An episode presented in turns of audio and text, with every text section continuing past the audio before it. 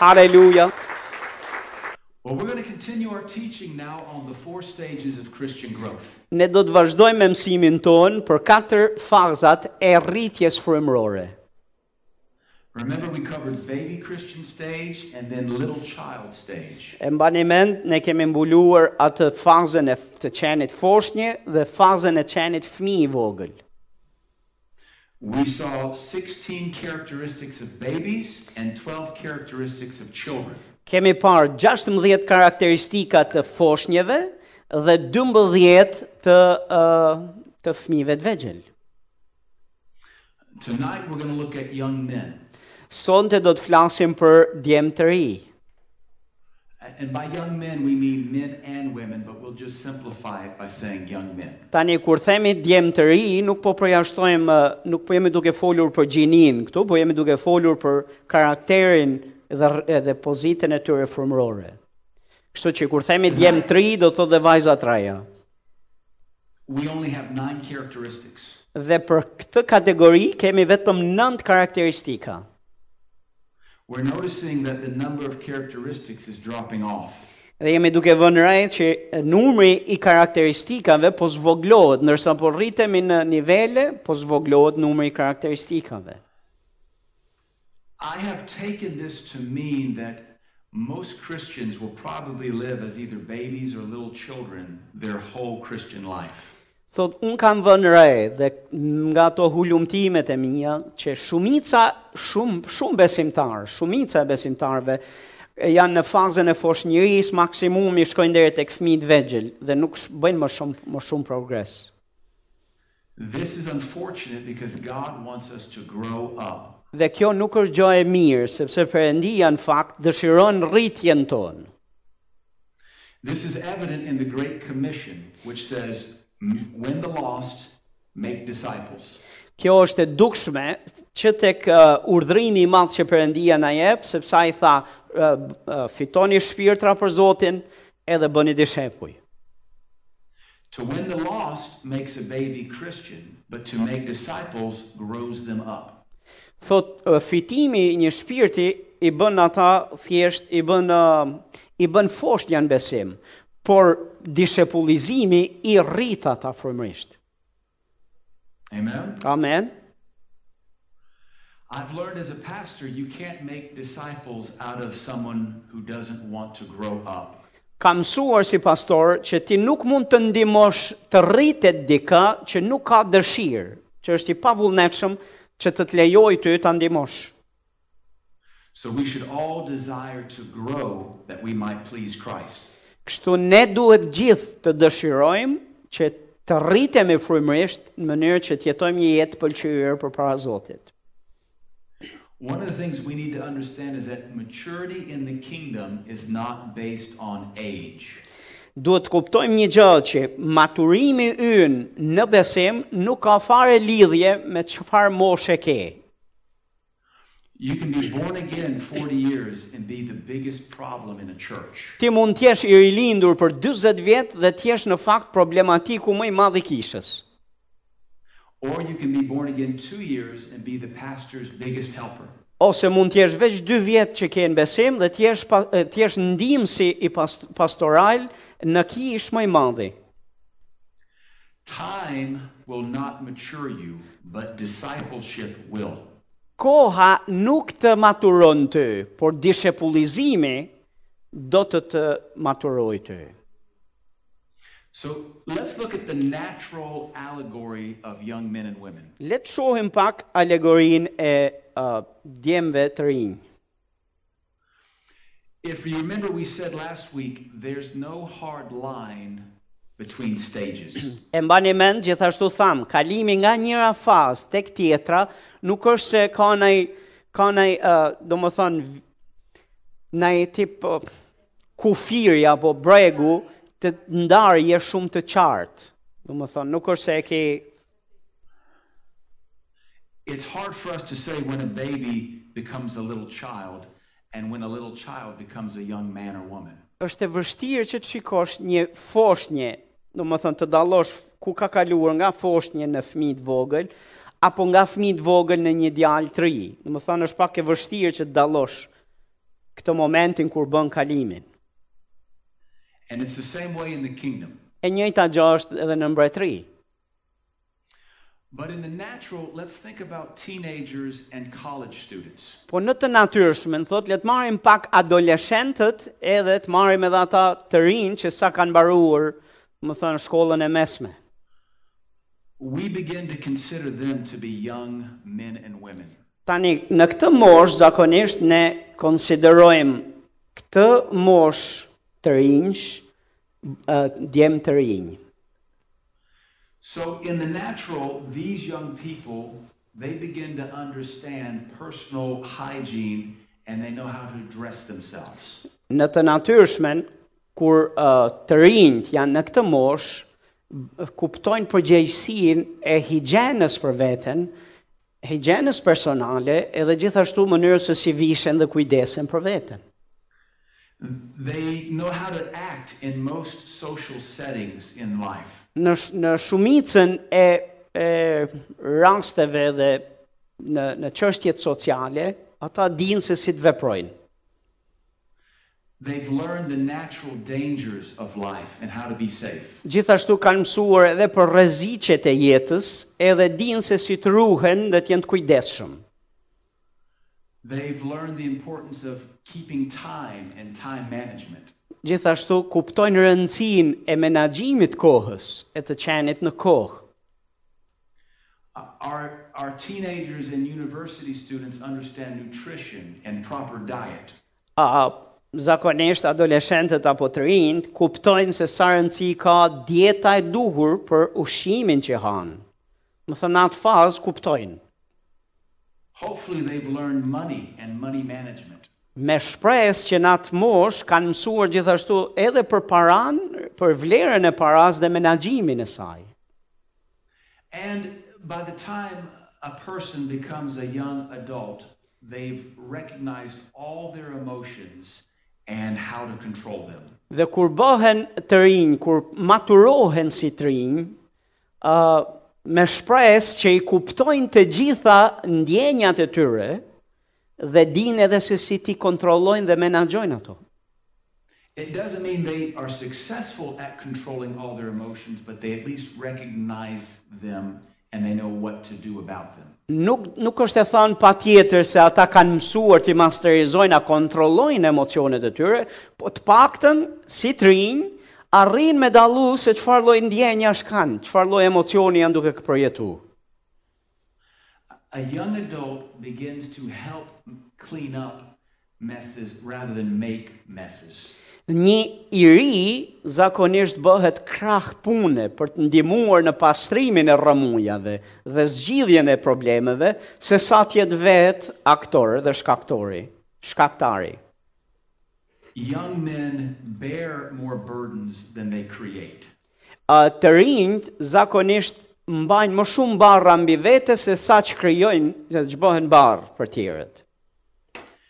And young men know how to step out into life and yet how to return home again.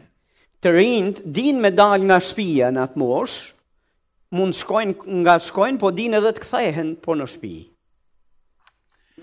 And those are all just natural observations as our children grow to be teenagers and college students. Tani, këto janë e, karakteristika që ne i kemi vënë re dhe i kemi vëzhguar tek të rinjt. And so we can see some parallels between that and growth in the kingdom of God. Mund të shikojmë disa nga këto karakteristika që janë paraleli, paralelisht uh, të ngjashme me të vërtetat frymërore për të rinjt e besimit, të rinjt që janë në, në besim. Amen? Amen. You understanding what I'm saying so far? A jeni duke më ndjekur dhe po më kuptoni apo jo? Yeah. Good. Mirë. Now let's look at let's look at nine attributes from the scriptures. Le të shohim nënt atribute nga shkrimi i shenjtë. Let's turn to 1 John chapter 2. Le të shkojmë bashkë tek e para e Gjonit kapitulli 2. And I'll read I'll read it to you. Dhe doja u lexoj ata. Verse 13. Vargu 13. I write unto you fathers because you have known him that is from the beginning. I write unto you young men because you have overcome the wicked one.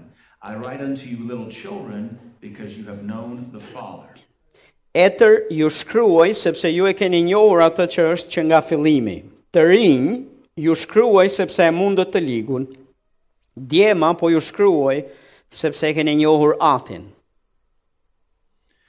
We see here it addresses the three classes of Christians. Ne shikojmë se këtu përmenden të tre e, fazat e të krishterëve. Fathers, young men, and children. Etrit, të rinjt edhe e, fëmijët e vegjël.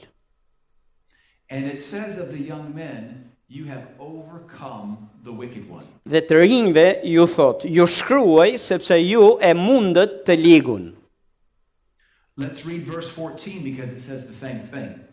Le të lexojmë ë, vargun 14 sepse thot të njëjtën, të njëjtën gjë. I have written unto you, fathers, because you have known him that is from the beginning. I have written unto you, uh, young men, because you are strong, and the word of God abideth in you, and you have overcome the wicked one. Etër ju kam shkruar sepse e keni njohur atë që është nga fillimi. Të rinj, ju kam shkruar sepse jeni të fortë dhe fjala e Perëndisë qëndron në ju dhe sepse e mundët të ligun. There are two points we can take from these verses. Ka dy pika të cilat ne mund t'i shohim në këto vargje. The first point comes from the word for young man. Pika e parë vjen për ata që, f- domthonjë për të rinjt. And the word young man in the Greek also means servant. Të rinjt, kjo fjala të rinjt në greqisht, kjo e njëjta fjalë që është thënë për të rinjt këtu, do të thotë gjithashtu mund të përkthehej edhe ë, shërbëtor, shërbës. A, a young man is one who is strong enough and responsible enough to be entrusted with work. Thot një ri është dikush që është i përgjegjshëm e i maturuar mjaftueshëm që mund t'i besohet një punë. We might could say any Christian who is not serving in the local house has not matured to this stage yet. Ne mund ta themi uh, rehat që kushdo besimtar i cili nuk është i maturuar në këtë fazë sa të jetë i përfshirë për të bërë punë në kish, do të thotë që nuk është maturuar te kjo faza këtu. As a pastor, I can't promote people who I can't trust. Si pastor, unë nuk mund të lartësoj apo promovoj njerëz të cilëve nuk u besoj dot. I can't promote people who aren't trustworthy. Nuk mund t'ju të- njerëzve njerëzit e pabesueshëm nuk mund t'i promovoj, nuk mund t'ju besoj. Punë. I can't promote people who aren't dependable. nuk mund të mbështetem tek njerëz tek të cilët nuk mbështetesh dot. I can't promote people who are lazy. Nuk lartësoj dot ose promovoj njerëz të cilët kanë karakteristik si karakteristik për tacin, janë për tac. So, somewhere between little child stage and young man stage, you become trustworthy and promotable. Kështu që diku në këtë progresin e rritjes nga fëmi i vogël në të ri, është ajo faza ku ti je duke u lartësuar ose duke u, ma- u, u maturuar për të qenë i përgjegjshëm për të marrë përgjegjësi mbi vete. Remember, in our homes, our little children want to help serve. Dhe në shtëpinë tonë për shembull, ne shohim fëmijët e vegjël të cilët uh, tregoj- tregohen të gatshëm për të na ndihmuar, për të sh- për të shërbyer në për shtëpi. All of our little children always say, I want to help, I want to help, I want to help, let me. Të gjithë fëmijët e vegjël kanë këtë tendencën që thonë, "Ma le ta bëj unë, le se dua të ndihmoj, dua të bëj unë këtë, dua të bëj atë." And as they get bigger, we can trust them with more responsibility. Tani ndërsa ata rriten, ne mund t'ju mund t'ju japim më shumë përgjegjësi atyre. You can tell you've passed into the young man stage when you are entrusted with more work in the house of God. ti mund ta kuptosh se je maturuar dhe je pjekur, uh, do të thënë si i ri, je në këtë fazë, në qoftë se ty të besohet në kishën lokale, të besohet punë. You might still have immature attributes, but you are growing in Christ. Ti mund të vazhdosh të kesh disa papjekurira, e, por je sepse je akoma je uh, punë në progres. Je ka gjëra të cilat do dojnë kohë për të pastruar gjitha. Amen. Amen. The second point we can take from these verses is victory. Pika e dytë të cilën ne mund të marrim nga këto vargje është fitoria. Both verses say young men have overcome the wicked one. Të dy vargjet na thonë këtë gjë që ju e mposhtët të ligun. Young men know how to walk in victory. Të rinjt din të ecin në fitore. Young men are able to stand on their own two feet. Të rinjt din të rrinë në kamp të tyre. Young men have come to live lives defined by victory. Të rinjt vin, e, e jetojnë jetën e tyre nga perspektiva e fitores. They're not attempting victory, they live in victory. Ata nuk po përpiqen të fitojnë të të të marrin fitore, por janë fitimtar dhe jetojnë nga ky standard. They've overcome condemnation, Ata mposhtin dënimin, they've overcome most of their sinful habits, mposhtin shumicën e zakoneve të mëkatshme të tyre, they, they've learned to master their mouth, mësojnë se si të kontrollojnë gojen e tyre, they've learned to master their appetites, mësojnë të kontrollojnë uh, urin dhe etjet e tyre, oreksin e vet, they live as overcomers. jetojnë si fitimtarë.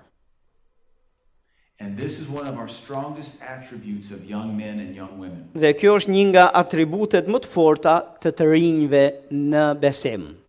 Flasim të rinjve Amen. në këtë fazën e maturimit. Amen. All right, attribute number three. Atributi numër 3. We find that in the same verse, Ne e gjejmë verse në- 14. tek vargu 14. I have written unto you, young men, because you are strong. Thotë të rinj ju kam shkruar sepse ju jeni të fortë. Proverbs 20 29 says the same thing. Proverbat 20, vargu 29, thonë të njëjtën gjë. It says, The glory of young men is their strength. Thot, lavdia e një të riu është forca e ti. So, young men have a spiritual strength about them. Të rinjt kanë forcë frymore Their strength comes through discipleship. dhe forca e tyre ka ardhur nga dishepullizimi. They have grown from hearing the word. Ata janë rritur duke dëgjuar fjallën e Zotit. They don't just hear the word, they do the word. Ata jo vetëm janë dëgjuës të fjallës përëndis, po janë edhe bërës të saj. And they've gained confidence by experience. Dhe janë bërë të fort dhe kanë fituar konfidencë dhe siguri duke në gjatë kohës praktikës. Their experience has caused them to become mature in the things of God. Eksperiencat e tyre i kanë bërë që të jenë të mat, të maturuar, të pjekur në gjërat e Zotit. Young men are finally able to stand on their own two feet. Të rinj tashmë janë në gjendje që të qëndrojnë në këmbët e tyre. They can walk with God on their own. Ata mund të ecin vetë me Perëndin. They know how to find their way back to the house of God. Ata dinë si ta gjenë rrugën e tyre për në shtëpinë e Zotit vetë. You don't have to call young men to ask them where they were. Të rinj ti nuk ke nevojë ti marrësh në telefon dhe ti pyesësh ku keni qenë. Little children get lost on their way home. Dhe fëmijët e vegjël mund të humbasin rrugën për të shtëpia, Young men do not get lost on their way home. ndërsa të rinjt nuk e ngatrojnë rrugën, po dinë me ardh. So, as a pastor, as I'm shepherding my flock, I can tell who's immature. si pastor thot, ndërsa jam duke u kujdesur për tufën e Perëndis, unë mund ta kuptoj se kush është i papjekur akoma. Christians who are in the habit of missing service are not mature. Besimtarët të cilët e kanë për zakon që të vinë mos, të mos vinë në përshërbesa rregullisht, thot jashtë tregojnë vetë thot që nuk janë të pjekur frymërisht. If I'm having to chase people, they are not mature. Në qovë se më duhet mua të shkoj mbrapa ku, kanë, ku janë, ku kanë qenë, se s'kanë ardhë, do thot që në janë, akoma janë në këtë fazën e fosh njëris apo fmive të vegjël. If you chase a baby, she'll run from you. Madje, a keni vënë re, po tjetë një, f- një bebë, një fëmijë i vogël dhe ti shkon e vrapon drejt ti, ai ikën, ka çeft ik prej teje. If you, cha- if you chase a child, they'll run from you. Thot, do më thonë një fëmijë të vogël, po ço edhe një fosh një bile sa ka fillu, do më thonë ka tendencën që ti ik dhe ti duhet i shkosh mbrapa. But a mature child you call and they come to you. Po në qovë se është një, e, një fmi i pjekur edhe në i një ri, mjafton ta thrasësh dhe vjen. They hear their name called and they come and present themselves before their leader. No, mjafton ta thrasësh me emër dhe vjen e prezanton e përfa, edhe prezantohet para atij që e ka thirrur. Learning to answer your own name is a sign of maturity. Të mësosh që të përgjigjesh kur të thirret emri është shenjë pjekurie. And when the pastor says, We have church Sunday, everybody come, mature people show up. Dhe kur pastori thot kësaj në këtë ditë do kemi takim, shërbes, uh, gjithë se cili për ju shë jani, atëherë të maturuarit automatikisht e din dhe janë. E din që po thuhet dhe janë aty. But when you call young children and they don't want to come, they scatter in every direction. Po kur ti thret fëmijët vegjël që të vinë në një takim, thot fëmijët e vegjël thot mund të mos vinë fare në takim, po shpërndahen se cili në drejtimin e vet. They always have an excuse. Dhe gjithmonë kanë nga një justifikim pse nuk janë aty. Uh, this came up. Më doli kjo gjëja këtu. Uh, I- I didn't feel good. Su ndjeva shumë mirë. We were really tired. Me të thënë drejtën ishim të lodhur. I had I got really busy. Uh, uzura me punë, pastor. You have those people there also? I, I think the whole world has these people. Po e pyes tash i get njëjta gjëra atje, duket sikur janë universale si. Okej. yes. Yes. I, I guess uh, I, I guess you have those people too. huh? Yes, yes, yes, but not here though. There No, are of course, not here, outside, Not here. No, no. outside. That church across the street. E kemi për kishën ja, jashtë mureve tona, nuk është këtu. Shumë e vërtet. Më duket si kur gjithë reagoni kur fleta e anglisht dhe po flas unë anglisht. Duket si... It, se- it seems like while you're speaking in English and I'm speaking in English, they understand. They are laughing right in time. They don't need my translation, it seems like eh? it. That's wonderful. është mirë, mirë. Kjo është I think it's maturi. good because they can hear it twice in English and in Albanian, Yes. which means they'll grow up twice as fast. Kjo do të thotë se do të na dëgjoni edhe në shqip dhe në anglisht, do të dëgjoni dy herë, kështu që do do rriteni shumë më shpejt. Amen. Amen. I when I was a youth pastor years ago, Vite përpara kur kam qenë uh, pastor i të rinjve, I was probably 27 years old. do të kem qenë rreth 27 vjeç, I was training to run a marathon, po mësoja për të vrapuar në maraton.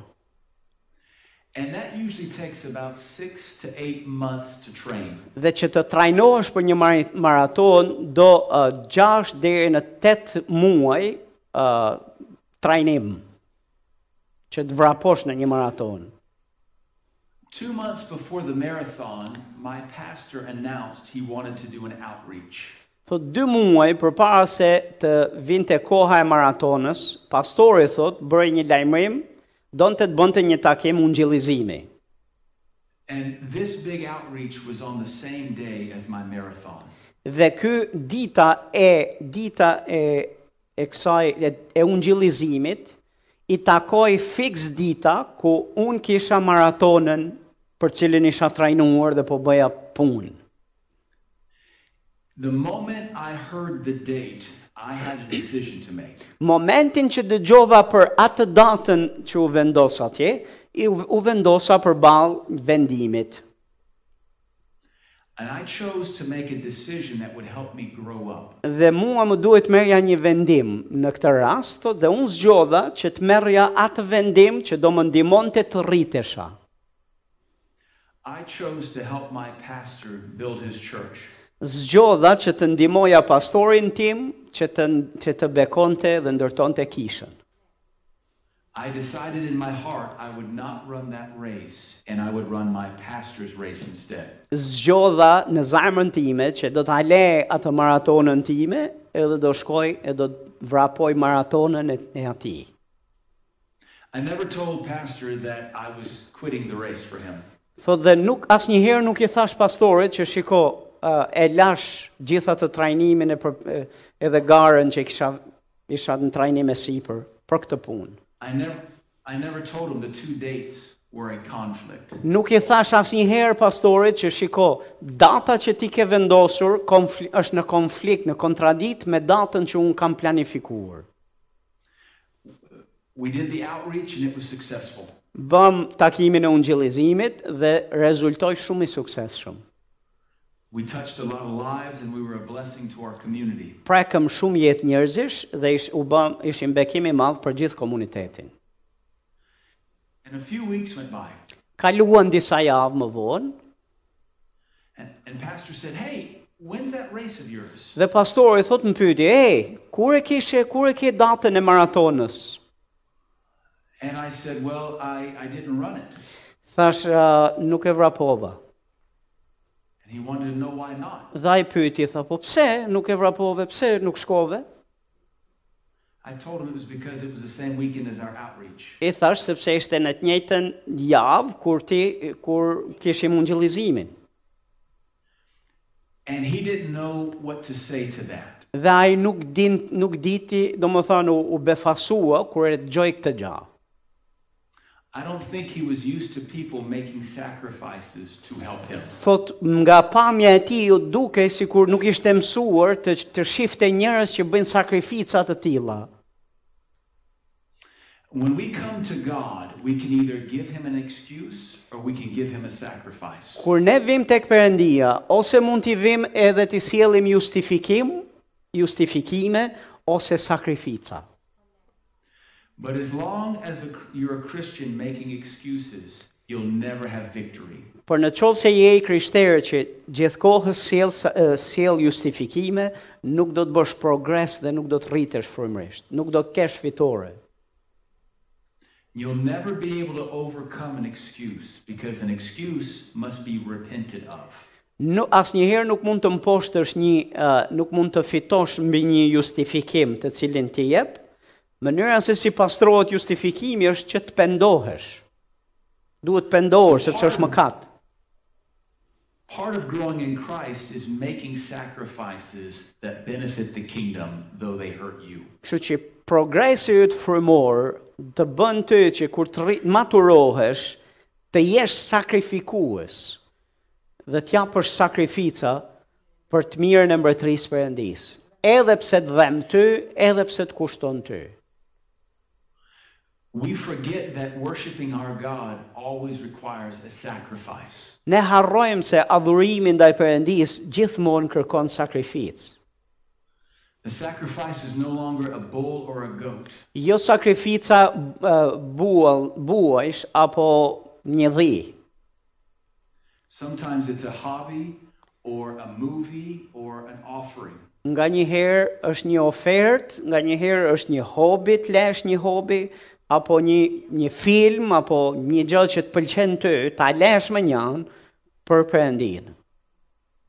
But we won't be able to grow in Christ until we get into a lifestyle of making sacrifices. Po ne nuk do mund të bëjmë progres dhe maturohemi frymërisht derisa të vim në pikën ku jemi të gatshëm që të sakrifikojmë për rritjen tonë dhe për mbretërinë e Zotit. Amen. Amen.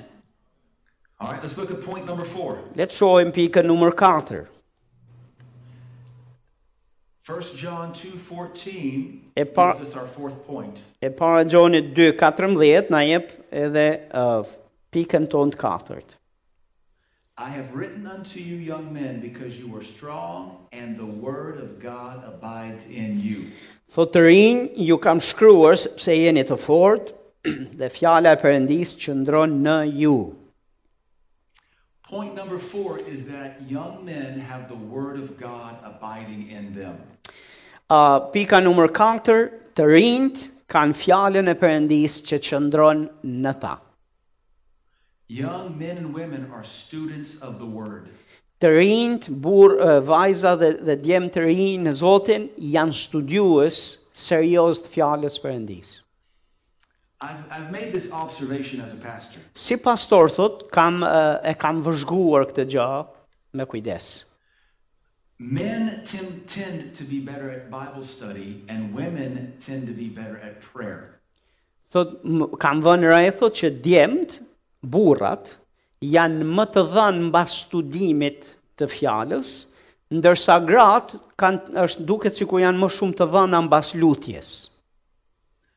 Have you guys seen the same observation? It's a generalization. A a e keni vënë r- ju një gjë t- re, një gjë të tillë apo jo? Yeah. And I think it's because men are more intellectual and women are more emotional and vocal. Duket sikur uh, djemt janë më tepër uh, intelektual nga ana e intelektit, vënë intelektin përpara, se, ndërsa uh, gratë janë më tepër emocionale. But both men and women must be good at both. Por mu- ajo çfarë ne duhet bëjmë është që të dy palët, si burrat, si gratë, duhet jemi të mirë në të dyja gjërat, edhe në fjalë, studimin e fjalës, por edhe në lutje. Women must be students of the word. Ë gratë gjithashtu, vajzat duhet jenë studiuese të fjalës së Zotit. Women must love Bible study. Thot gratë ë, gjithashtu duhet ta duan, ta dëshirojnë studimin e Biblës. And men must learn to love prayer. Burrat duhet që duan lutjen. We Imagjino both më have shumë to agjërimin. balance Our weaknesses. A, ne duhet kuptojmë se ne duhet kuptojmë se ku i kemi dobësitë tona.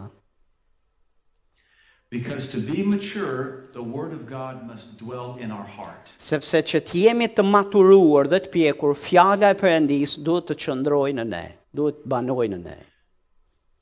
This level of maturity doesn't require constant reminding of the word. Thot ky lloj e, k- për këtë gjë që jemi duke fol, do të thotë që fjala e Zotit është në ty dhe nuk ka nevojë të të kujtohet vazhdimisht se çfarë thot fjala. Të Young, young men and young women remind themselves of the Bible. më thënë të rinjë, nuk ka nevojë t'ja u kujtoj dikush tjetër fjalën, nuk po themi që është gabim, por ata vetë kanë mësuar të kujtojnë fjalën e Zotit vetë. They're like a, a David that encourages himself in the Lord. Ata janë si Davidi që inkurajojnë dhe forcojnë veten e tyre në Zotin. Young men and young women in the Lord are self disciplined in the scriptures.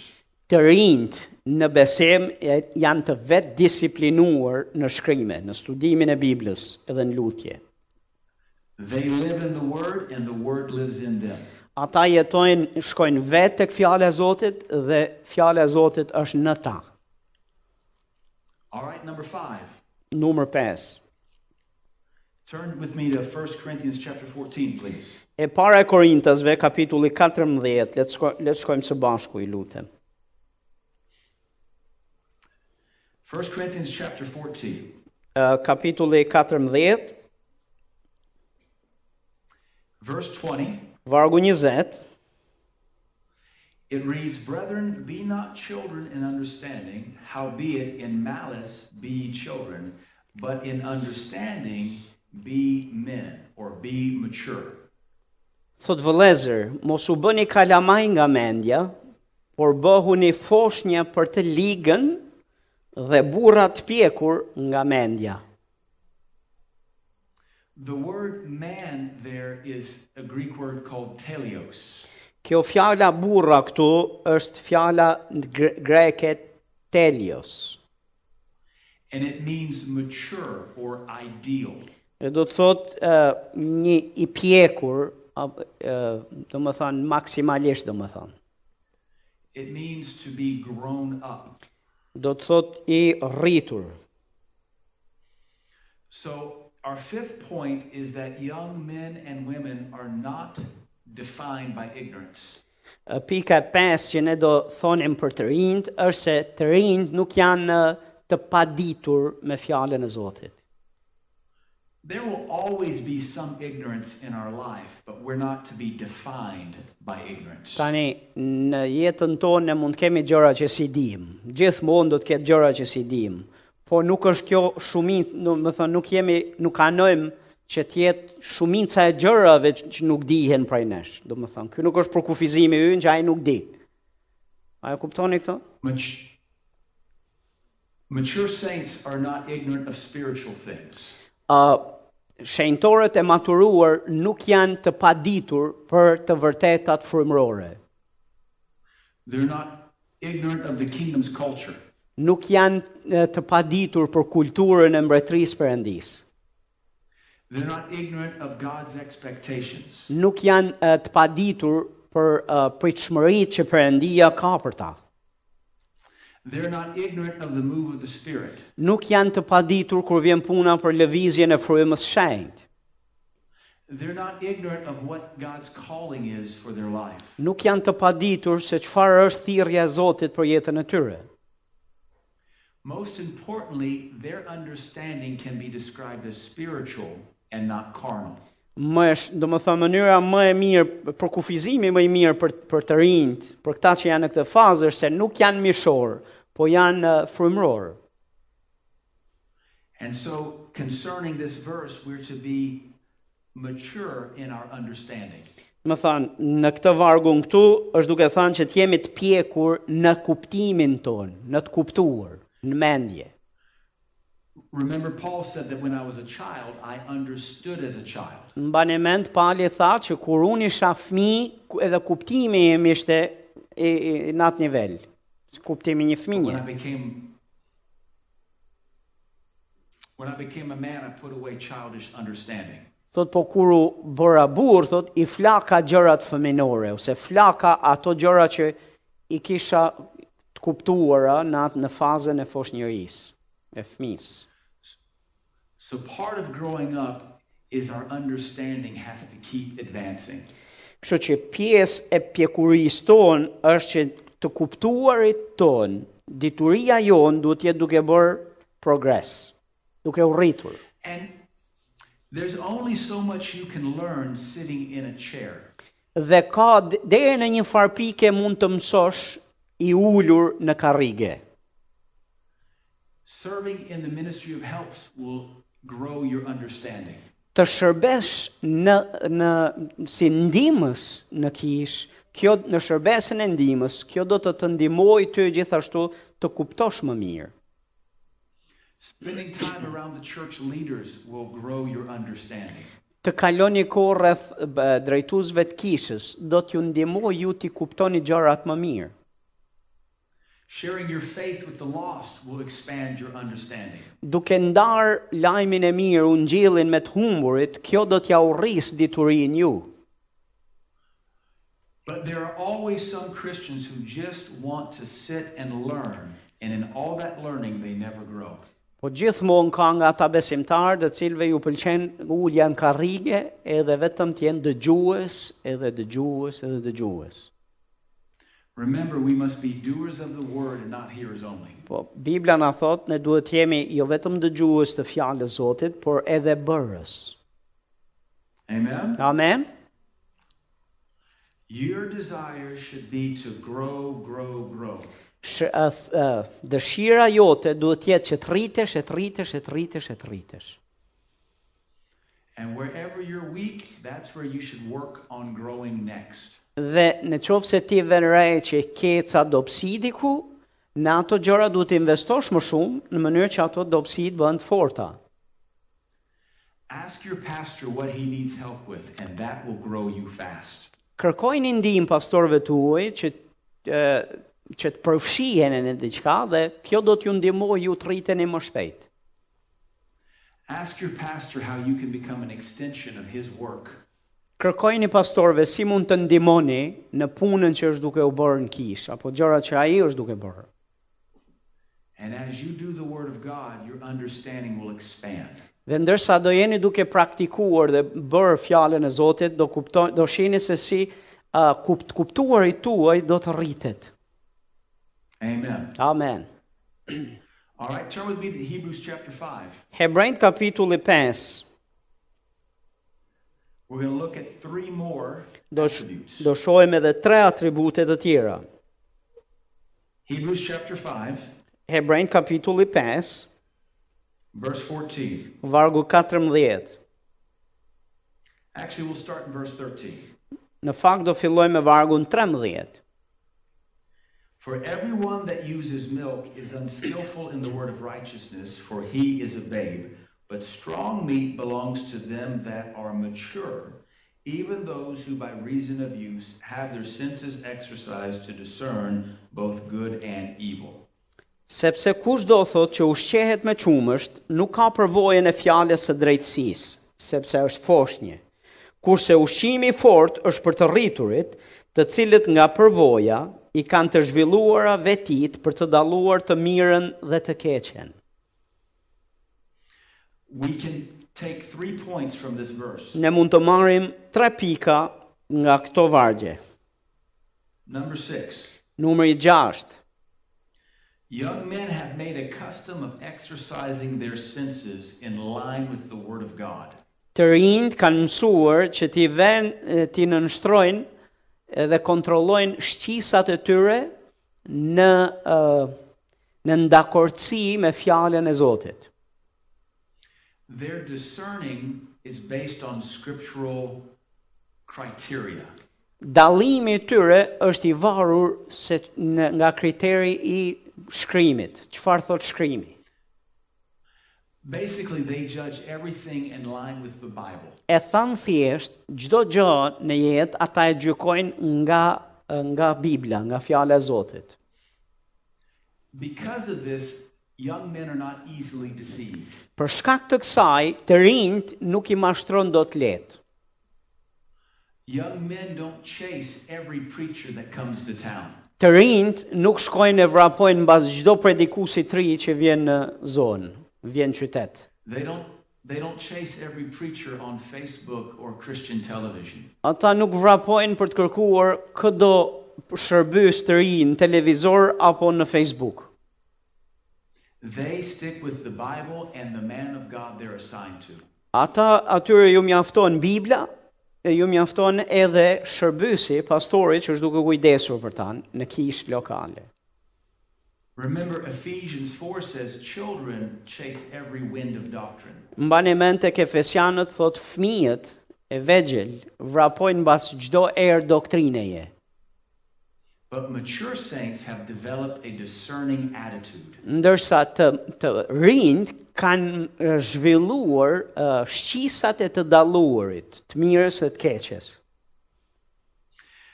They have graduated from hearing the word to actually living the word. Ata janë diplomuar në fakt nga dëgjues të fjalës Zotit, janë bërë njerëz që janë praktikues të fjalës. One of the attributes of these men is that they always give you a Bible answer. Një nga atributet e këtyre trimve është që gjithmonë të japin një përgjigje biblike. Somebody might ask them, What do you think about this? Dikush mund t'i pyes ata dhe thotë, "Ç'a mendimi mendimi ke ti për këtë gjë këtu?" And their answer will be, Well, the Bible says, Dhe përgjigja e tyre është, "Po Bibla thotë" Well, what do you think about this? Po çfarë mendimi ke për këtë gjën tjetër? Well, the Bible says, Thonë, po Bibla thot, They have renewed their minds so that the Bible is how they judge everything. më thënë, kanë ri për trirë mendjen e tyre me shkrimin e shenjtë, sa që edhe përgjigjet dhe gjëra që i japin, i japin nga këndvështrimi i Biblës, i fjallës Zotit. Uh, let me show you something real quick. Me lenit ju të regoj një gjë shumë shpejt. This is in my pulpit. Kjo është këtu në, e kam në podium, thotë ë, këtë gjën këtu. Okay. Can you see this here? A mund, ma shi, mund të shikoni këtë që kam në dorë? Yes. This is called in the French a baton rouge. Uh, kjo në frëngjisht quhet një pishtari kuq, uh, Baton rouge. pishtar i kuq. Okej, mësuese frëngjishtje. Uh, we have a town in Louisiana called Baton Rouge. Ne kemi një një uh, në Louisiana, ne kemi një vend gjithashtu që quhet me këtë titull, Pishtari i kuq. And it, Baton Rouge means red baton or red stick. Do të thonë e thon thjesht një sh një shkop, uh, një stafet e kuqe. Pishtari i kuq, stafet e kuqe, merrni vesh mbas takimit. We got it. hey, it matches your it matches your suit. Where is it? Yes. Right there. Shkurt muhabeti është një huaj i kuq. që është në ngjyrën e xhaketës. Yeah. This is used in pepper farming. If you understand peppers, pepper. Uh, can you say that again, please? I missed. You know, like a, a red pepper. Yes. Um, this is used in harvesting red peppers. Këto thot përdoren për kultivimin e specave të kuqe. Dhe ju lutem më lini që të përkthej vetëm. There is a pepper called a Tabasco pepper, Është një uh, spec djegës që quhet Tabasco. and it has to be picked when it turns the right color. Dhe duhet të të hiqet, do të thonë të merret nga, s- do të thonë të kultivohet, të korret kur të marr ngjyrën fiks të duhurën. And the peppers are all picked by hand. Dhe specat gjithmonë merren të gjitha shkulen thotë dhe hiqen me nga- me dorë. So all the harvesters are given a red baton. Kështu që të gjithë atyre korrësve të specave ju jepet një nga këto shkopat në dorë. and it is painted the exact color of a ripe Tabasco pepper. Dhe ngjyra që ka shkopi është fiks si duhet të jetë edhe ngjyra e specit kur të merr kur të hiqet, kur të shkulet. So they go to the fields to harvest, Kështu që ata shkojnë në të korra, shkojnë në ara. and they grab a pepper that they want to harvest and they compare it to the red stick. E marrin me dorë specin dhe e shohin bashkë me shkopin e ngjyrën e shkopit, a janë njësoj apo jo. And if it matches, they take the pepper. Dhe në qovë se janë njësoj nga ngjyra, e kpusin specin. If it doesn't match, they have to leave it and reject it. Në qovë se nuk, është, nuk, bi- nuk duke njësoj me nga ngjyra, atëherë ju duhet që ta lenë edhe të vazhdojnë të tjetri. The color can be very close, but if it isn't exact, it has to be rejected. Tani ngjyra mund të jetë shumë e përafërt, por në qovë se nuk është eksakte njësoj, duhet lënë aty. So the harvester is bound to obey the red stick. Kështu që ai korsi është i detyruar që të zgjedh në bazë të ngjyrës që ka te ky shkopi që ka në dorë And he judges every pepper in the field based on this standard. dhe ai në këtë mënyrë gjykon çdo spec të çdo spec tabasko me ngjyrën e këtij shkopit. A është gati as është gati? And so now, as Christians in this world, this is our red stick. Tani për ne besimtarët që jemi në këtë botë, për ne ky shkopi i kuq është Bibla. And everything presented to us, we compare to this book. Dhe gjdo gjë që na prezan- prezantohet ne, ne e gjykojmë me anë të li, këti libri. If it lines up with this book, we take it and keep it. Nëse bjen dakord me këtë libër, ne e mbajmë, e ruajmë edhe kemi e bëjmë tonën. If it doesn't line up with this book, we reject it. Në qovë se nuk bjen dakord me këtë libër, ne e mohojmë ato. I bëjmë And that's what rezistencë. mature Christians do. Këtë gjë bëjnë besimtarët e pjekur. They discern and reject, or discern and accept. Ata dallojnë dhe pranojnë, dallojnë dhe mohojnë gjithashtu. Amen? Amen. Number seven, real quick. We're running out of time. numër 7, po na mbaron koha, kështu që po kalojmë tek pika tjetër. Young men and women can discern good from evil. There is no confusion. Për të rinjt është lehtësisht e dallueshme çfarë është e mira dhe çfarë është e keqja. Ata e dallojnë. The mature saint can see good and evil in themselves. Një një i maturuar, një ri i pjekur mund të kuptojnë edhe të mirat, edhe të këqijat që kanë vet të vetët. Immature Christians can see evil in everybody else. Të papjekurit, Christians can see evil in them. besimtarët e papjekur thot, mund shohin dhe dallojnë të këqijat e gjithkujt tjetër, po jo të vetat. Kurse të pjekurit dallojnë edhe dallojnë të vetat. So it's not just a question of discerning good and evil, but discerning good and evil in your life. Kështu që nuk është çështja vetëm të jesh dallues i çfarë është e mirë dhe çfarë është e keqe në jetë, por është edhe të dallosh çfarë është e mirë dhe e keqe në ty. So we examine ourselves. When was the last time we could see evil in us and we wanted to change it?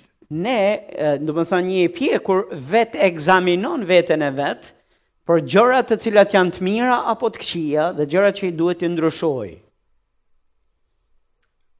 Amen? Amen. Number eight, Numër 8. young men and women live on the meat of God's word. Të rinjt ushqehen me ushqim të fortë nga fjala e Zotit. Remember, last time we said meat is the doing of God's word. Mbani mend që kemi thënë ushqimi i fortë është bërja e fjalës së Zotit. Ti je bërës i fjalës. The New Testament speaks of milk, meat, then strong meat. Uh, testamenti i ri flet për uh, qumshtin e, e fjalës, flet për ushqim dhe flet për ushqim të fortë. Verse 14, Hebrews 5:14 says strong meat. F- e, Vargu 14 thot ushqim i fortë. Young men and women are in a lifestyle of constantly doing the word. Ë, të rinjt në në të maturuar në Zotin janë ata që janë bërës të vazhdueshëm të fjalës së Zotit. We said milk is the hearing, Ne thamë që qumshti i fjalës është dëgjimi i fjalës, but real meat is the doing. por ushqimi i vërtet është kur je bërës i fjalës. And then we might say strong meat is the hard assignments from God. Dhe kur themi ushqim i fortë, do të thotë uh, ato detyrat e vështira që na caktohen nga Perëndia. Ato i bëjmë. And young young men and young women begin to do the strong, difficult assignments of God. Dhe të rinjt, uh, burra dhe gra, të rinj në besim flasim në në formimin e tyre dhe pjekurinë e tyre, janë bërës të këtyre detyrave të vështira. Amen. Last Amen. one. Më të Last point. pika e fundit. And hopefully you're writing all these down so you can go back and study them again later. Shpresoj që jeni duke i shkruar të gjitha këto në mënyrë që kur të shkoni në shtëpi të keni mundësinë të studioni me me kujdes. Acts chapter 2. Veprat kapitulli 2. This one we're going to take out of context and apply a principle. Këtë vargun që do përmendim do e nxjerrim jashtë kontekstit dhe do të aplikojmë dhe do flasim për parimin. We know this verse well, but we're going to look at it from a different angle. Ne e shohim këtë varg shumë e njohim këtë varg shumë mirë, por do e shohim nga një kënd vështrim tjetër. Acts 2:17. Vargu 17 i kapitullit 2 të veprave. And it shall come to pass in the last days, saith God, I will pour out of my spirit upon all flesh, and your sons and your daughters shall prophesy, and your young men shall see visions, and your old men shall dream dreams. Thot dhe në, dit, në ditët e fundit do të ndodhë, thot përëndia, që unë do të përhap nga fryma ime mbi gjdo mish, dhe bi tuaj e bia tuaja do të profetizojnë, të rinj tuaj do të shohin vegime, dhe të moshuarit tuaj do të shohin ëndra. We understand the context of this verse is supernatural visions and trances. Ne kuptojmë që uh, konteksti i këtyre vargjeve janë duke folë për lëvizje të mbinatyrshme të përëndis, vegime të mbinatyrshme, ëndra të mbinatyrshme. But let's apply it to the concept of a life vision.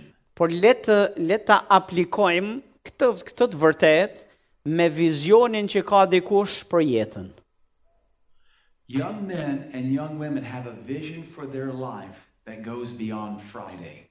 Të rinjt kanë një ëndër, kanë ëndrrën e tyre që kalon shkon përtej ditës premte. Mature people don't live for the moment, they live for the future. Të rinjt, ata cilët janë të maturuar, nuk jetojnë për, vetëm për momentin. Për, në më dhe nuk kanë, për, më, për, af, kanë, uh, mendojnë dhe për të ardhmen.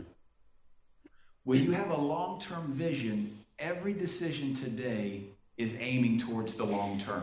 Kur ti ke një vizion për të ardhmen dhe për afat gjatë, gjdo vendim të cilin ti e mërë sot e merë në bazë të sa do t'i shërbej të ardhmes.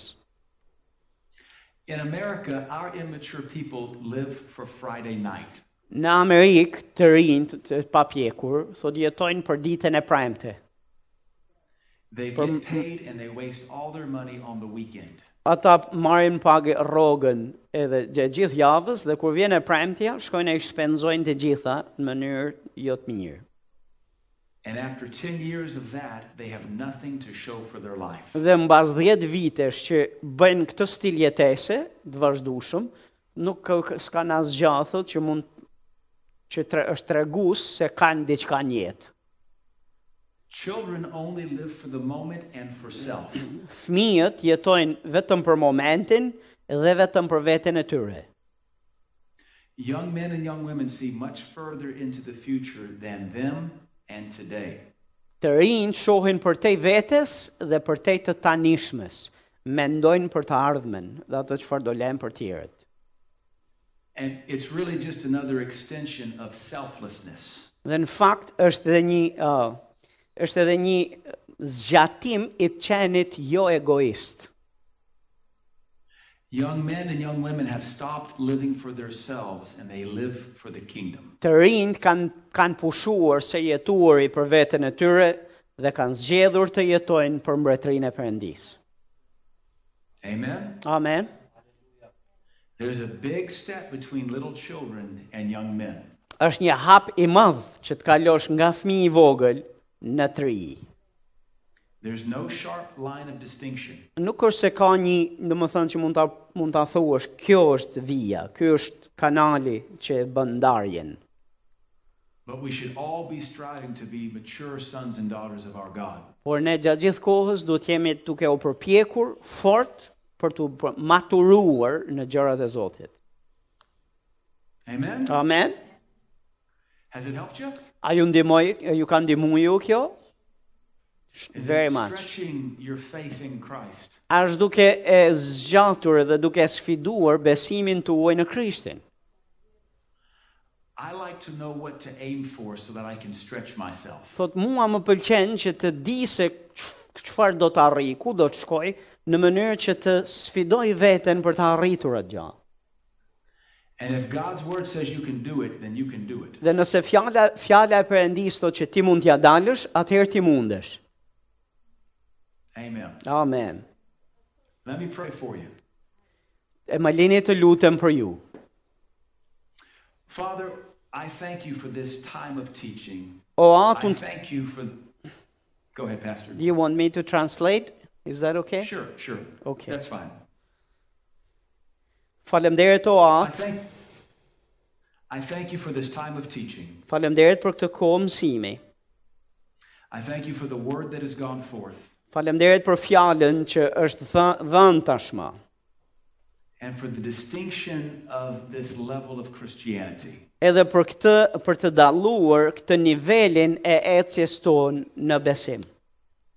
May we all strive towards that upward calling in Christ. Lutemi që të gjithë të mund të të mund të uh, rritemi dhe të bëjmë progres nga njëra fazë tek tjetra. May your anointing help this church to continue to grow. Bëj që vajosja jote të ndihmoj këtë kishë që të rritet. May we all aspire to become greater in you. e bëj që ne gjithë të sfidohemi edhe të frymëzohemi për mirë që të bëhemi më shumë si ti. May we glorify you and praise you. Bëj që me jetën tonë të të m- e, lavdrojmë ty edhe të madhërojmë emrin tonë. And may our lives please you. e bëj që jeta jonë të jetë e pëlqyer përpara teje.